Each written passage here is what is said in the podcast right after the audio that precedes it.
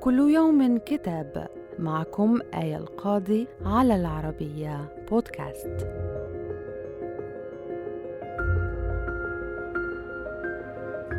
كتابنا اليوم بعنوان يوميات طائر الزنبرك للروائي الياباني الشهير هاروكي موراكامي.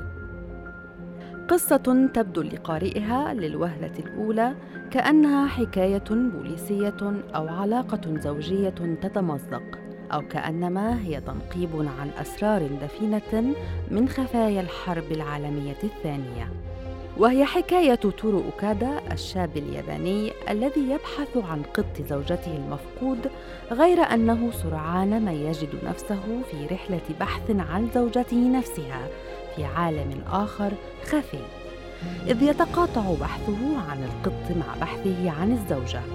فيلتقي زمرة غريبة من الأصدقاء والأعداء الذين يأتي كل واحد منهم ومعه حكاية بدءا من الفتاة المرحة والسياسي الحقود وانتهاء بمقاتل سابق.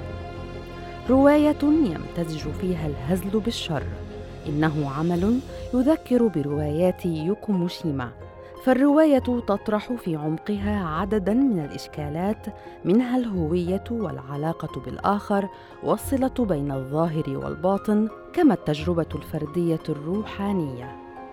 صدر الكتاب عن دار الآداب وإلى اللقاء مع كتاب جديد.